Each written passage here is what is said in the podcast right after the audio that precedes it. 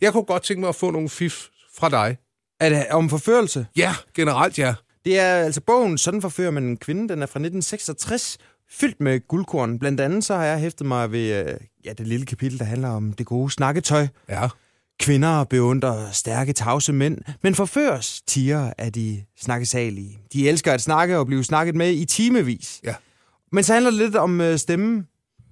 Øh, og, og, og, og det er nemlig, jeg vil nemlig lige sådan, øh, sende en kompliment videre til dig, fordi at øh, her, hvor vi kun taler om, hvad en øh, mand bør have som forfører, vil jeg blot understrege betydningen af hans stemmeføring.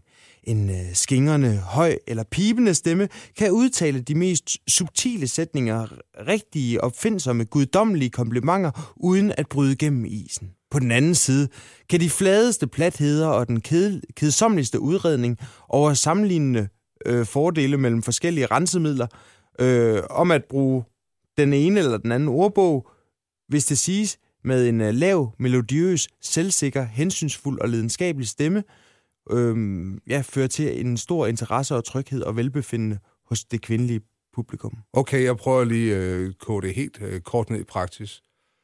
Dine egne er som skovsøer. Du er noget af det smukkeste menneske, jeg nogensinde har talt med. Det er, det er Holger Bæk, når han er ude.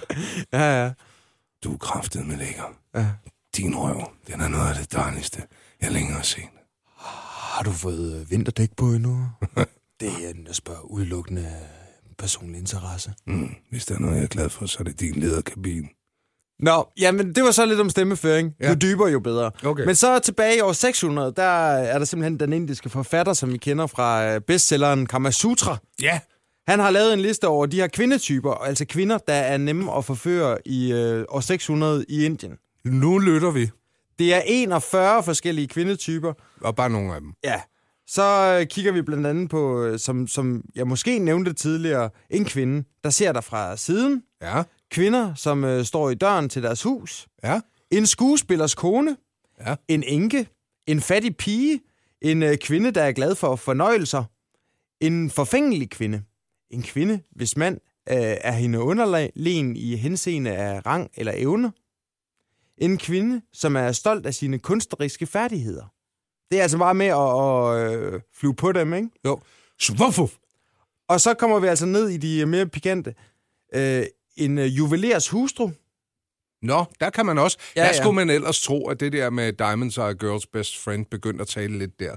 Nej, nej, så står han der ved øh, Essen og er ved at smide et øh, guldarmbånd, og så imens der står hun bare og flørter ud af bagdøren. Mm. Så er der den, øh, en begærlig kvinde, en umoralsk kvinde, en gold kvinde, en doven kvinde, en fej kvinde, en pukkelrykket kvinde, en dværgagtig kvinde, en vandskabt kvinde, en simpel kvinde, en ildelugtende kvinde, en Det sidste- syg kvinde eller en gammel kvinde. Altså, det sidste er nok det letteste.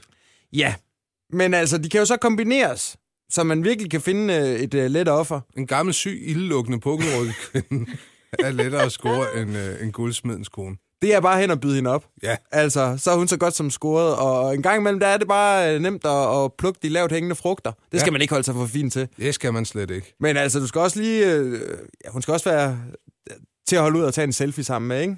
Det tog man nok ikke højde for dengang i år 600.